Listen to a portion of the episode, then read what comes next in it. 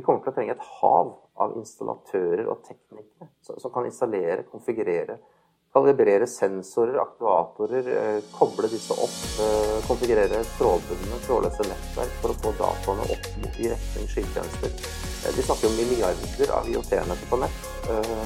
Det er ufattelig mye dette betyr. Noen må jo koble opp alt dette ruklet. Velkommen til Sisko og podkasten Digitalisering for ledere.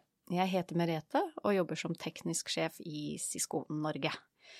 Bjørn Andreas, som er forretningsarkitekt i Sisko, er også med meg her i studio. Og sammen med kunnskapsrike og spennende gjester skal vi sørge for at vi får en bedre forståelse om hvordan teknologi bidrar til en bærekraftig verdiskapning.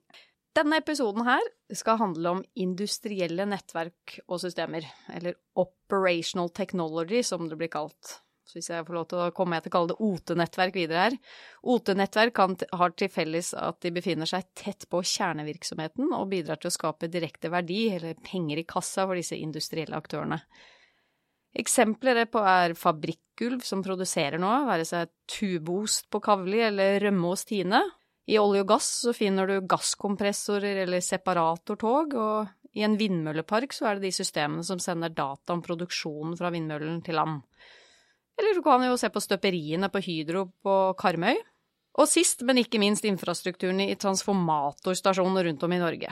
Og de er det mange av. Alle disse systemene er kritisk til produksjon. Historisk så var ikke mange av disse anleggene koblet til et nettverk, kun til et lokal kontrollsenter eh, enkelte steder.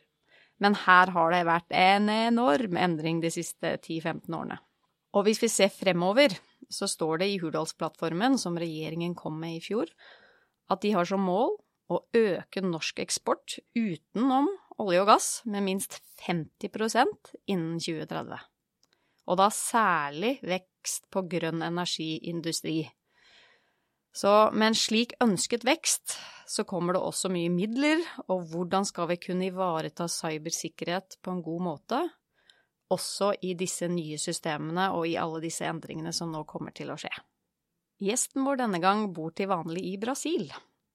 Han er spesialist innen industriell cybersikkerhet og nettverksarkitekturer, og har de siste seks årene fokusert gjennom arbeidet sitt på strategier, metoder og prosjektgjennomføring og implementering av cybersikkerhet og nettverksintegrasjoner for kritiske skadasystemer i storskala engineering and procurement-prosjekter vi kommer tilbake til hva er. Han har tidligere jobbet hos Kongsberg Maritime, Overa og Aker Solutions, men er i dag partner og hovedingeniør for cybersecurity og nettverk eh, hos Atina. Fredrik har også for tiden blitt engasjert som ekspert på Sintefs forskningsprosjekt som heter Cybersecurity Barrier Management. Velkommen til oss, Fredrik Gratte. Jo, tusen takk. Det var veldig hyggelig å bli invitert. Og det er jo artig at vi kan ha en podkast med en som sitter i Brasil. Så aller først, eh, Fredrik, la meg spørre deg, hva legger du i begrepet digitalisering? For meg så handler digitalisering om å bruke IT-teknologi til å hjelpe mennesker. Det kan gjøre mennesker mer effektive, vi kan samarbeide bedre, eh, vi kan ta bedre beslutninger. Eh, digitalisering kan hjelpe med å avlaste mennesker. Det kan også hjelpe med å kvalitetssikre arbeid som, som mennesker gjør. Jeg syns det er veldig viktig at digitalisering har fokus på eh, de menneskelige brukerne. Så IT-systemene må ha brukerinterfaces som er tilpasset mennesker, og ikke de underliggende teknologiene. Det syns jeg er eh, viktig. Og la oss pense inn på dagens tema, Fredrik. Industrielle nettverk, operasjonell teknologi, IOT, internett og industri 4.0. Kjært barn har mange navn. Eller er alt dette her forskjellig? Disse termene de, de overlapper jo eh, en god del. Skal man lage noe klart skille med dem, så blir det vel regler med fryktelig mange unntak. Og så er det mye hype da, eh, med disse termene, så det er veldig mange som liker å kaste om seg med disse fancy ordene også, eh, uten at man kanskje nøyaktig vet hva de innebærer og ikke innebærer. Og det er jo også mange som kaster rundt med det kaster rundt seg med disse uttrykkene uten at det nødvendigvis passer helt inn i konteksten eller bruken man ser for seg. Det er veldig mye motor, men når uh, det kommer til stykket, så er det slik at alt til sitt bruk Eh, for hvert formål så er det viktig at vi tar i bruk teknologi som er egnet, og ikke teknologi som er fancy eller er det mest moteriktige. 5G er jo kult, og veldig masse oppmerksomhet rundt det. Men uh, i en del tilfeller så er det bedre å bare bruke en god, gammel kobberkabel. Jeg tror det er viktig å ta litt hypen ut av det og begynne å snakke om konkrete use cases, som det heter på godt norsk. Eh, og så skal vi også være klar over at en del av disse termene her brukes som ting som man har hatt lenge. Man har bare fått nye fancy ord på det. Eh, det er jo veldig mye duppeditter som, eh, som ikke har endret seg nevneverdig de siste ti årene, kanskje, men som nå går under terminologien IOT. Men det er litt same shit, new wrapping. Har du noen eksempler på det? Vi har jo enheter som er Eh, nettverkstilkoblet og bruker internetteknologi, selv om man ikke kobler dem rett på internett. Men sånne enheter blir jo fort kalt i Internet of Things. Det kan være sensorer, det kan være kontrollenheter, det kan være enheter som beskytter utstyr osv. Ofte så kalles de IOT i, i marketing i dag, men det er jo ting man har hatt lenge. Det er som du sier, Fredrik, at det er jo det er masse begreper eh, i spill her. Og veldig mange av oss eh, har jo hørt om IOT og har kanskje til og med et lite IOT-produkt hjemme. Eh, så det går jo alt fra konsument og det å ha noen sensorer og noen duppeditter på, på hjemmet ditt. Men det jeg hører du eh, også komme inn på her, eh, Fredrik, er jo dette med kanskje det man betegner som industriell IOT. da. Og der er det jo ikke noe sånn det er ikke dukket opp plutselig et helt nytt form for teknologiområde, helt ny form for automasjonsteknologi. Dette er jo faktisk at masse av de eksisterende systemene har utviklet seg i en så måte at det nå faktisk begynner å bli oppkoblet. Da. Ja, det er, det er, riktig. Og mange av disse enhetene har jo ikke nødvendigvis endret seg noe særlig de siste eh, ti årene, kanskje. Eh, men de har vel blitt flinkere til å Eh, sende dataene fra dem opp mot eh, skytjenester. Eller mange leverandører har blitt flinke til det. Eh, og mange leverandører har jobbet med dette her i mange år allerede. Så selv om man ikke hadde begrepet IOT på den tiden de startet med dette, eller man ikke snakket om data lakes eller, eller så mye skytjenester, så, så, så var enhetene mye av det samme som de er i dag. Så hvis vi da kaller industrielle IOT-nett og disse miljøene for OT, heretter i, i samtalen, så ønsker vi å høre litt om når, når OT da møter IT, så blir cybersikkerhet enda viktigere. Samtidig er det mye som tyder på at sikkerhetsteamene er mer bekymret enn lederne. Eller er det på vei til å endre seg? For meg så ser det ut som dette er i ferd med å endre seg. Eh, jeg tror noen, dette har noe med hendelser ute i verden som har skjedd, og som har blitt rapportert i media, og, og som ledere ser har stor negativ innvirkning på driften av selskapet. Spesielt synlig var jo denne hendelsen med Mersk, hvor hele selskapet ble satt ut av spill i lang tid. Uh, hendelsen medførte vel tap estimert til rundt 10 milliarder amerikanske dollar. Uh, I tilfelle med Mersk så var dette en IT-hendelse. Men i andre hendelser så viser jo rapporter om, om OT-hendelser hvor hele strømnettet blir skrudd av midt på vinteren, f.eks. Nedstengningen som skjedde i Ukraina. Eh, eller hvor industrielle anlegg fysisk ødelegges. Det var jo bl.a. et smelteverk vel, nede i Tyskland som fikk en smelteovn ødelagt. Det kosta visst voldsomt å få erstattet. Så, så, ledere ser jo nå at disse truslene, eh, selv om de rammer IT eller OT-teknologi, så kan det medføre konsekvenser for både mennesker, og utstyr og miljø. Og at disse konsekvensene i verste fall kan være katastrofale for selskapet. Så jeg tror disse lederne ser at disse truslene nå utgjør risiko som må eh, rett og slett håndteres. Eh, du kan bli straffet veldig hardt som selskap hvis det ikke blir investert i mottiltak. Og uansett om det er IT- eller OT-hendelser, så ser lederne at truslene kan sette kjernevirksomheten helt ut av drift. Eh, og så er det det at 10 milliarder amerikanske dollar i tap, det er jo ganske synlig et regnskap for de fleste, vil jeg tro. Det ser jo ikke pent ut. Jeg må jo si at jeg tenker litt sånn parallelt på at eh, sånn som i oljeindustrien, at det måtte skje noen skikkelige ulykker før de tok sikkerhet, altså menneskelig safety, på alvor. Eh, og det er litt sånn jeg føler at jeg opplever det litt grann i denne type teknologi i dag, at det må være noen cyberangrep før man tar tak. Men får håpe man kan lære av disse disse hendelsene vi har sett rundt om i verden, og at det ikke må ramme ens egen bedrift. Eh, her i Norge så er vel Hydro en av de hendelsene vi har eh, lengst fremme i skallebrasken. Ja, og ikke bare mennesker, men også natur og miljø er jo gjerne noe som kan rammes hvis disse prosessene går feil. Men du Fredrik, du har jobbet på en rekke industriprosjekter.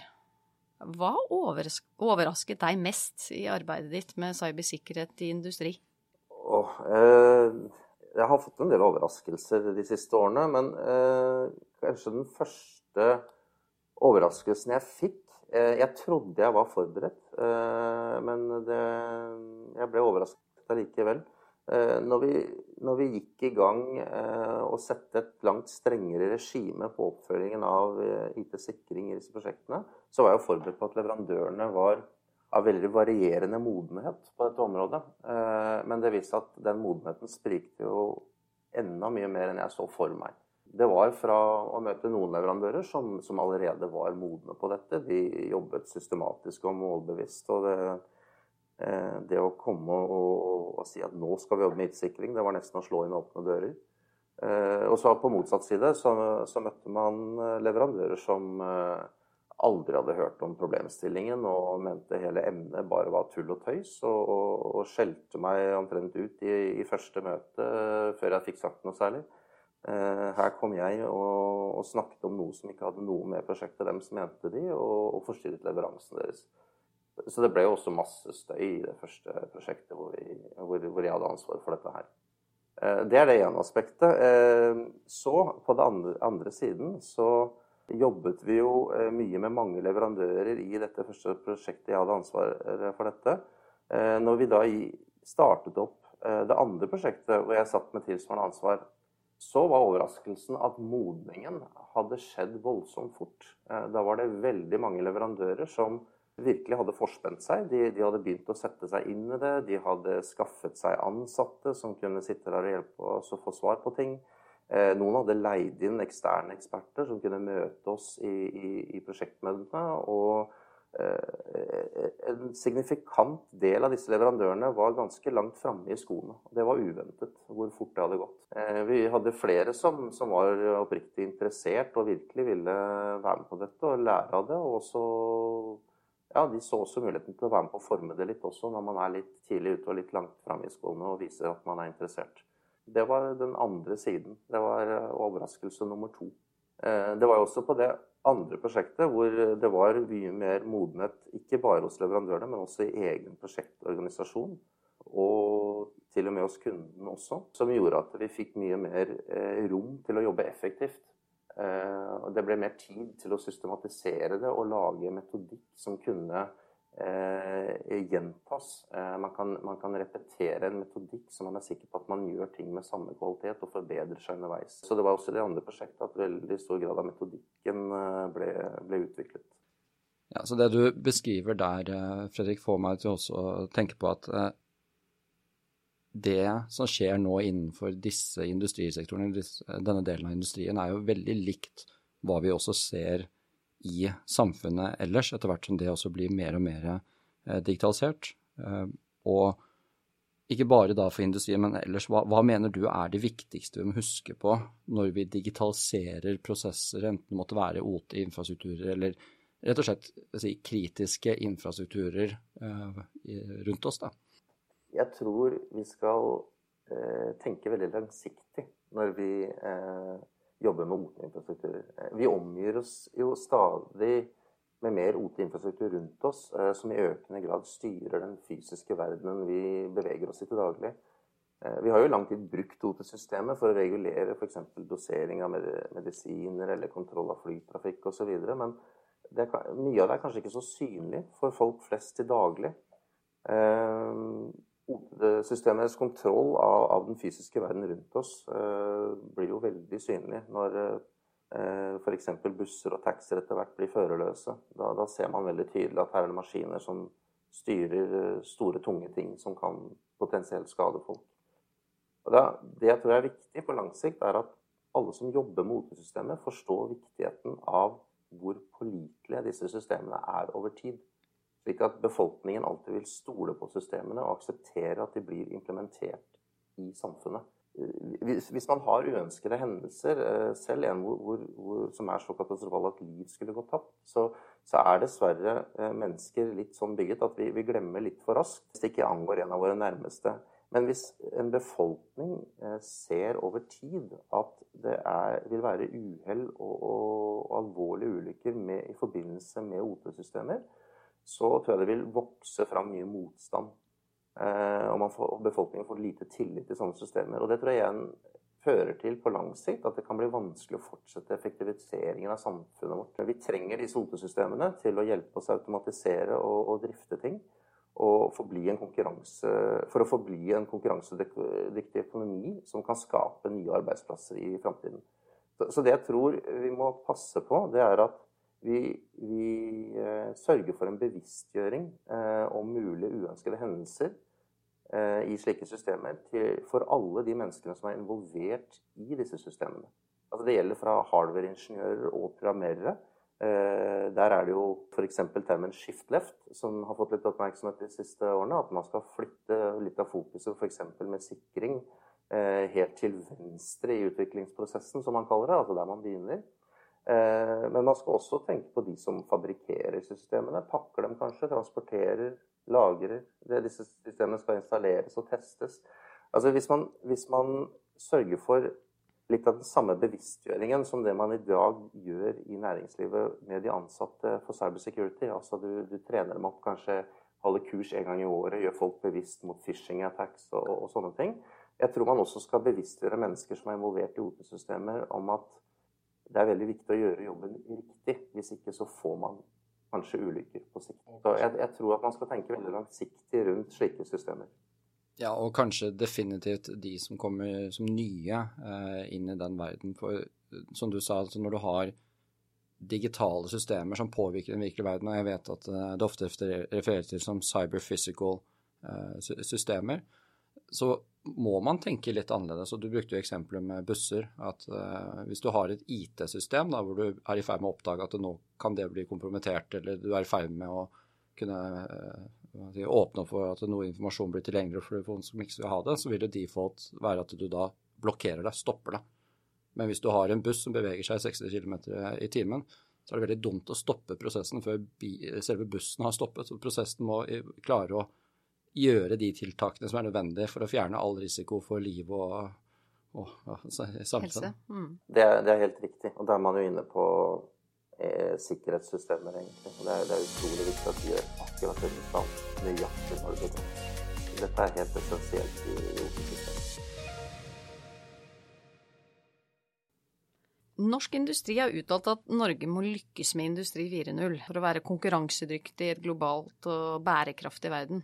Hvorfor det? Uh, industri 4.0 det, det, handler jo om uh, veldig mye eller En viktig del av det er jo uh, optimaliseringen. Å unngå flaskehalser eller unødvendige kostnader i produksjonsprosesser.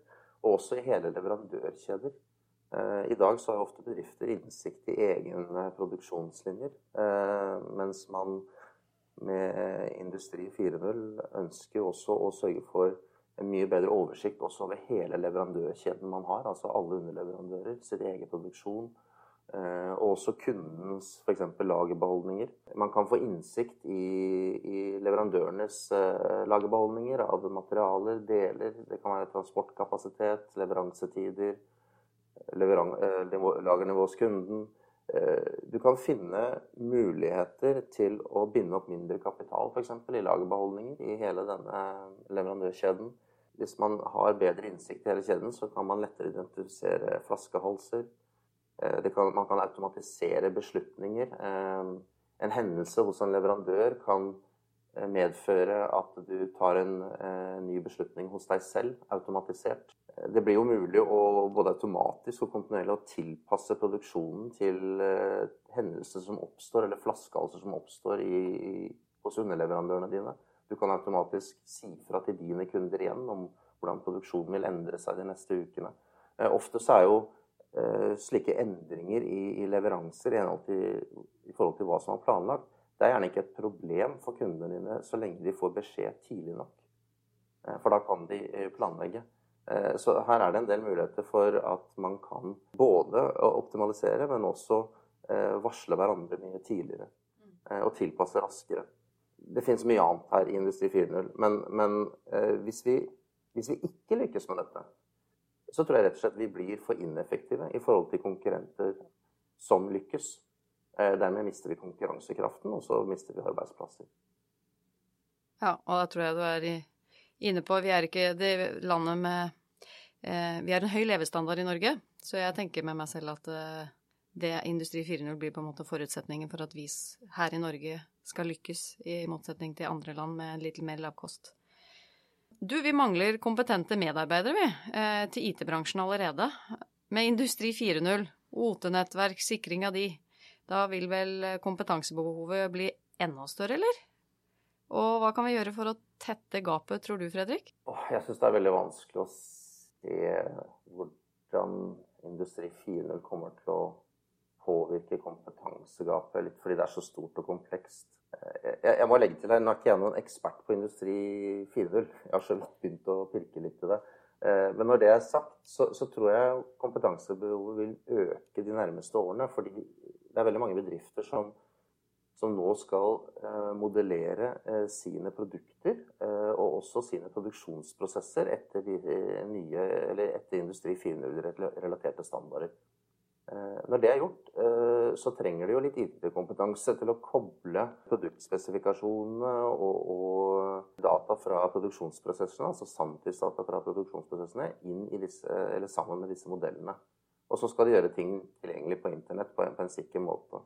Men når det er gjort, så er jo intensjonen bl.a. bak dette Asset Administration Shell som Industri 400 dytter, eh, at det skal kreve mye mindre håndsøm og, og dermed mindre IT-kompetanse og, og, tid hos IT-ressurser for å innlemme en slik produsents produkter og produksjonsprosesser inn i eh, industri 4.0 leverandørkjeder. Så det skal jo komme en optimalisering her også, som skal redusere litt av behovet. Så jeg er veldig usikker på hvordan dette vil påvirke eh, kompetansegapet. Jeg tror datamodelleringsjobben er mye større og langt mer kompleks enn den tradisjonelle IT-integrasjonsjobben når vi snakker om Industri 4.0. Eh, man må ha en solid forståelse for datamodellering. Man må ha rimelig god forståelse av den fysiske prosessen man modellerer.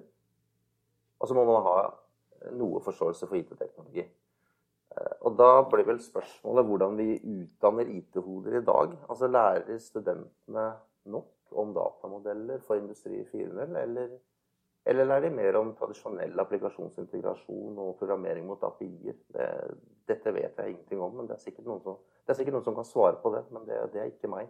Jeg så vel at noen eh, hevdet at eh, bl.a.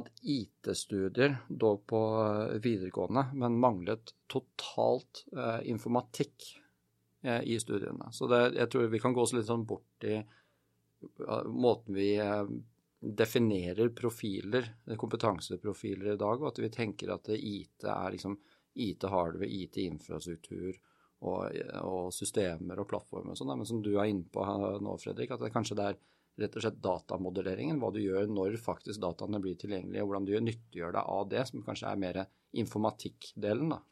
Ja, det, jeg, tror, jeg tror i hvert fall det vil være store utfordringer for å finne nok mennesker til å modellere opp alt det som må modelleres opp i forbindelse med Industri 4.0. Skal vi tette gapet, så må vi jo først identifisere det. Jeg tror vi må være mye mer spesifikke enn bare si IT-kompetanse. Eh, det blir veldig generell term. Jeg tror vi må se på de forskjellige oppgavene eh, som må utføres, skal man lykkes. Og så må vi se på eh, gapet. Hvor stort er gapet for hver av disse? Det er antagelig mange, mange som er langt mer spesifikke. Og, disse gapene har antagelig veldig forskjellige størrelser, som vi da må jobbe målrettet med å tette. Dette, dette er veldig gode poenger. Du nevnte at automasjon også er en viktig del oppi dette. At ikke, det er en del ting som vi må slutte å gjøre også eh, for å frigjøre tid. Men dette med hvem er det vi må snakke med for å avdekke det? For jeg, det som jeg, jeg, vet er fint med deg, Fredrik, er at du går ordentlig til verks og dypt inn i det når du prøver å eh, løse problemstillinger. Eh, men hvem er det vi snakker med for å avdekke de behovene som man ser komme, slik at vi kan begynne å utdanne studenter i dag? Har du noen ideer? Eller etterutdanne eh, de som er i arbeidet allerede, kanskje jeg har jo ikke noen f.eks. noen bedriftsnavn eller, å, å, nevne som jeg vet jeg kan fortelle oss om disse tingene. Eh, jeg tror man skal prøve å finne de som har begynt med dette. For, for noen har lært uh, the hard way, som heter på godt norsk igjen. Prøve å finne de som har begynt tidlig. De har helt sikkert gjort en del feil. De har helt sikkert oppdaget en del ting de ikke tenkte på når de begynte. Det, det begynner jo å komme noen sånne fora for utveksling av erfaring mellom bedrifter, hvor de kommer og presenterer litt hva har de gjort, hva fungerte, hva feilet. Eh, begynner kanskje med å, å, møte opp på noen sånne. Komme i kontakt med andre eh, bedrifter. Eh, finne ut hva har de lært, hva har de brent seg på. De har nok funnet hull som man ikke ser for seg når man, når man, når man skal begynne med dette her. Før vi forlater helt det der med kompetansegapet Det som jeg tror kanskje ikke får nok oppmerksomhet i forbindelse med Industri 4.0, er jo det at vi kommer til å trenge eh, andre mennesker enn bare IT-kompetanse. Eh, vi kommer til å trenge et hav av installatører og teknikere som kan installere, konfigurere, kalibrere sensorer, aktuatorer, eh, koble disse opp, konfigurere trådbundne, trådløse nettverk for å få dataene opp i retning skytjenester. Vi snakker om milliarder av IOT-netter på nett. Det er ufattelig mye duppeditter. Eh, noen må jo koble opp alt dette ruklet. Kanskje den største flaskehalsen vi er på vei inn i for, for Industri 4.0, eh, er teknikere og installatører. Jeg aner ikke. Mm. Eh, men, men det må, også, må, må, vi også tenke på. Parallellen til det er jo noe vi ser allerede i Europa i dag. Eh, energieffektiviseringsbehov for en enormt antall bygninger i Europa gjør at det er endeløse ventetider på å få tak i installatører av, av varmepumper og, og, mer effektive energiløsninger. Så jeg, jeg, tror vi kan ryke på eh, noen overraskelser eh, i, i, hos den type profesjonelle også. Vi må tenke på mer enn bare IT-kompetanse hvis vi skal lykkes med Industri 4.0. Men det du sier der, eh, Fredrik, med at eh, vi trenger også andre profiler Det kan vel være at eh, i hele tatt for å forstå hva behovet er mer inn mot IT, informatikk-siden, eh, da. At kanskje mange av de eksisterende ekspertområdene som har god domeneforståelse, kanskje må ha noe mer påfyll i forhold til IT, cybersecurity, informatikk, eh, sånn at de blir i stand til å avdekke eh, disse ytterligere behovene og beskrive de Eh, og dermed sette krav til at de må på plass? Ja, det, det er helt klart. Det, det, blir jo som hvordan man prøver å få IT- og OT-mennesker til å møtes. Altså, Begge sider må lære litt om hverandres utfordringer og, og teknologier og, og, prioriteringer, ikke minst. Hva er viktig, hva er ikke så viktig. Der er det jo store kulturforskjeller mellom IT og OT. Så, øh, så lenge man begynner å, å, sette seg inn i den andres øh, arbeid og teknologier og problemstillinger, så begynner man å få et felles språk og en felles forståelse. Og da kommer man øh, som regel til veldig gode løsninger. Fredrik, eh, det er jo mange forskjellige industriaktører. altså Det er masse spennende prosjekter allerede på gang eller ferdigstilt. altså Du har Hydro på Karmøy som har hatt mye spennende gående. Men hvis du, hvis du driver en industribedrift på Vestlandet eller et eller annet sted i Norge, hva vil du si at hva hva er viktig at de tenker på når de setter i gang nye prosjekter eh, med, med blikk på eh, sikring og, og bygge en robust eh, OT-infrastruktur? Jeg tror det er veldig viktig å, å, å begynne med eh, low hanging fruits, som det heter. Eh, det fins jo eh, noen relativt enkle tiltak som du kan gå i gang med. Eh, hvis man begynner helt på scratch med IT-sikring, så, så, kan man gjøre noen relativt grunnleggende enkle tiltak som, som, tar deg ganske langt. Man må ikke sette inn alle kluter og ta alle kostnadene med en gang. Jeg tror å begynne, litt, eh, begynne med det mest, mest fornuftige. Eh, kanskje forhøre seg med noen som har gjort det før, og så få noen gode råd. Og så iterativt forbedre etter hvert. Eh, I hvert fall ikke, ikke start på noe som er altfor stort og altfor alt komplekst i første omgang. Begynn, eh, begynn, i det litt mindre og, ta, og legge til ting gradvis. Det tror jeg i hvert fall er viktig for omtrent alle aktører. Eh, og særlig hvis du er mindre også, så, så hvis du er et mindre selskap, så skal man være forsiktig med å gape over for store prosjekter. Det kan fort bli tyngende og kostbart og sluke for mye ressurser. Og det, det er ikke nødvendig for å, for å gå i gang på en god måte. Men da må jeg ha en liten oppfølging der. for altså, Du nevner at man skal gå og få hjelp. Det, hvem går man til å få hjelp rundt uh, sikring av sånne prosjekter? Altså sikkerhet i, inn i OT-prosjekter. Og, og, også litt sånn hva, hva, mener du? Altså Du sier eh, the low hanging fruits uh, på norsk, men hva er de? Hva vil du si er en lavthengende mulighet eh, å ta tak i, som du har sett basert på de prosjektene du har vært i? Noe vi har tatt tak i, eh, er eh, rett og slett nettverksarkitekturer. Det behøver ikke være så voldsom jobb med å forbedre nettverket litt. Mange kan få en kraftig forbedring i motstandsdyktigheten mot sånne cybertrusler hvis man er litt flinkere til å dele opp nettverket sitt. Man kan segregere ting, som det heter skille ting litt fra hverandre. Ting som ikke trenger å snakke sammen i nett, eh, bør ikke snakke sammen, bør ikke se hverandre.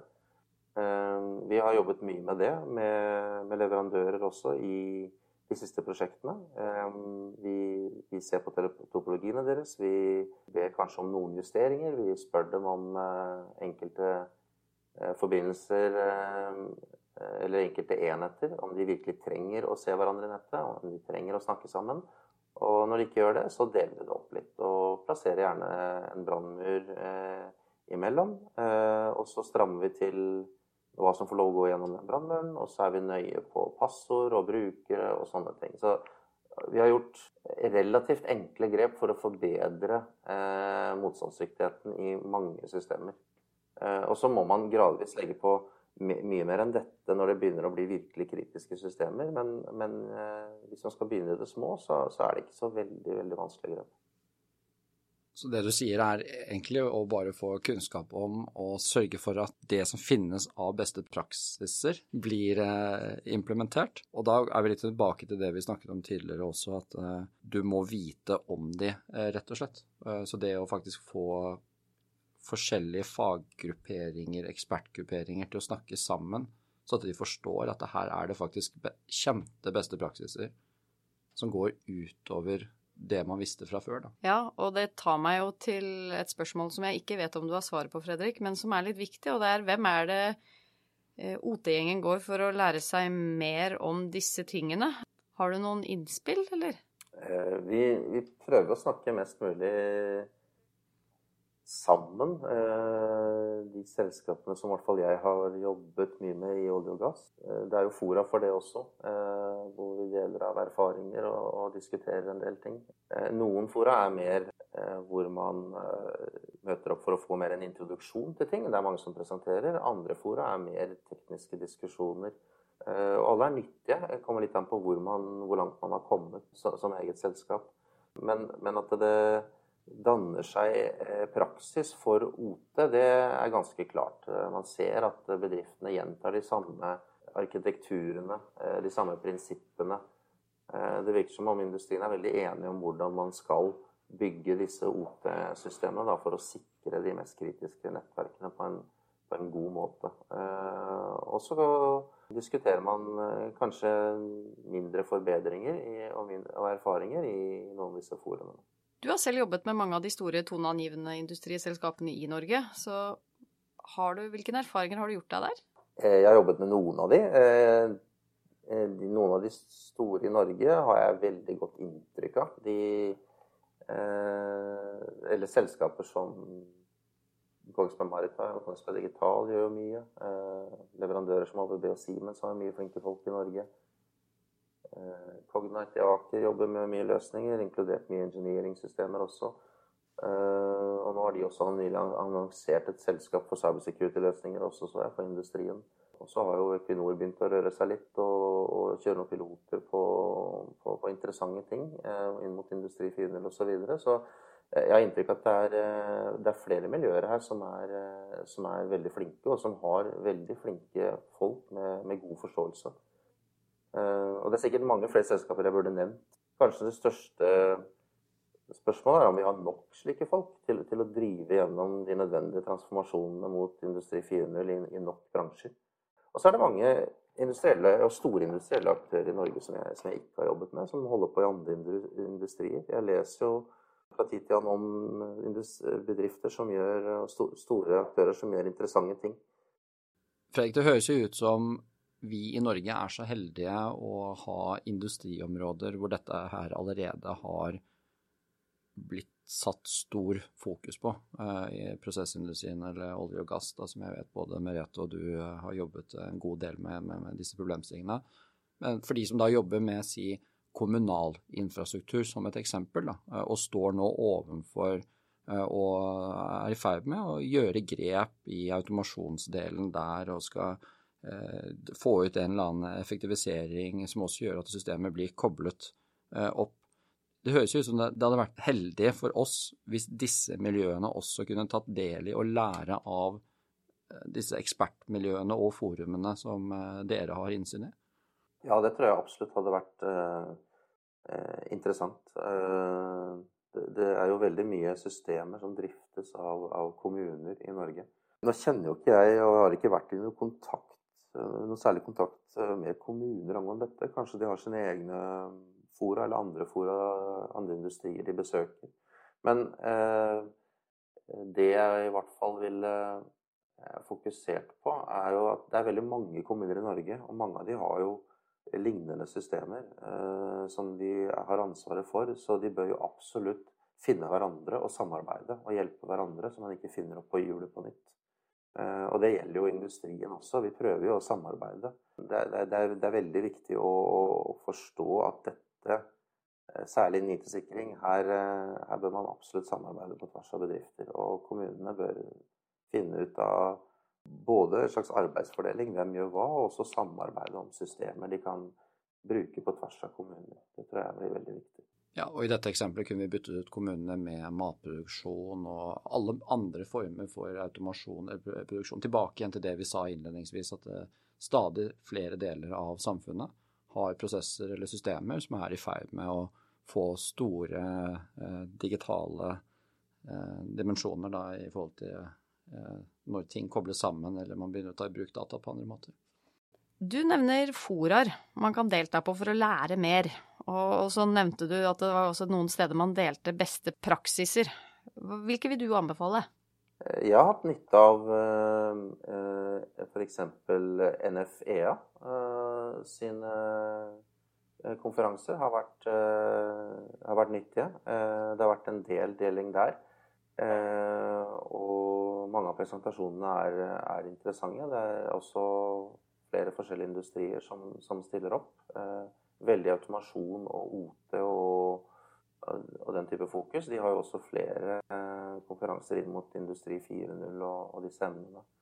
Eh, ellers så har jo eh, Sintef i Trondheim har jo CDS-forum, som er et sånn cybersecurity-forum eh, som kjøres i parallell med et tilsvarende safety-forum, som har eksistert i mange år, som jobber med sikkerhetssystemer. Eh, der deles det jo interessante ting der også. Det er i hvert fall de jeg kjenner best til. Og så er det interessante diskusjoner som pågår i, dette forskningsprosjektet, som jeg så vidt er involvert i, i, i Trondheim. Men det er ikke så åpent forum, da. Men at det er, at det er interessante diskusjoner som, som skjer der òg, det er helt sikkert. Da nærmer vi oss slutt her. En liten oppsummering av noen tanker. Teknologi Teknologien blir stadig viktigere i vårt digitale samfunn. Industrien er ikke et unntak, har vi nå hørt. Tvert imot, det gjør oss sårbare. Både mot konvensjonelle cyberkriminelle som angriper IT, men ved å koble industrien på nett kan alt fra vann, strøm og energi og annet bli utsatt. Er det en grunn til bekymring, eller er du trygg på at dette løser seg, Fredrik? Eh, jeg tror aldri det løser seg helt. Eh, vi skal nok uh, slite med sånne cybertrusler i, mange år. Men, og, det vil jo bli et, et, Det er jo allerede et, slags evig våpenkappløp. Men, men, jeg har tro på Jeg har veldig tro på at vi kan finne kostnadseffektive måter å forsvare oss på som gjør at det blir fryktelig kostbart for trusselaktørene å, å klare å gjennomføre angrep. Altså hvis vi, hvis vi kan finne eh, kostnadseffektive løsninger, eller kombinasjoner av løsninger, som lar oss forsvare oss asymmetrisk, da, som de også nå snakker om i krigføring om dagen. Altså at man er underlegne ressursene til motstanden, kanskje, i enkelte tilfeller, men vi klarer allikevel å forsvare oss bra. Og det er jo ikke bare tekniske løsninger. Det er jo ikke minst mennesker og organisasjon også. Som oftest er jo, er jo mennesker det svakeste leddet i, i et kyberforsvar. Forsvar. Akkurat som vi må utdanne befolkningen til å være motstandsdyktig mot konspirasjonsteorier og fake news og propaganda osv., så, videre, så må vi også utdanne befolkningen mot cyberangrep, som, som phishing og e-mail-scams og, og, og, slike ting. Og hvis vi, har, hvis vi har en solid bevissthet i hele befolkningen, så, så tror jeg det hjelper veldig mye. Eh, da er det, det er en signifikant reduksjon, reduksjon i sårbarheten vår Hvis vi har mennesker som er bevisste. Jeg tror det er undervurdert hvor viktig det er. Eh, tekniske løsninger er, hjelper oss masse, men, men eh, mennesker kan lures eh, eller fristes eh, eller, eller utpresses. Det er veldig viktig at vi, vi, vi bevisstgjør mennesker kontinuerlig. Så det høres ut som én ting er sikkert, at det er ikke teknologien som kommer til å løse det her. At eh, den menneskelige faktoren kommer til å bli noe av det viktigste. Dette har vært veldig nyttig, Fredrik. Tusen takk for veldig mye god innsikt. Helt enig. Fredrik, dette var, dette var, både spennende og interessant. Jeg er sikker på at eh, dere også som lyttet på, lærte noe i denne episoden. Takk for at du ville være med helt fra Brasil. Jo, tusen takk for at dere inviterte meg. Jeg syns det var artig å være med på dette her sånn.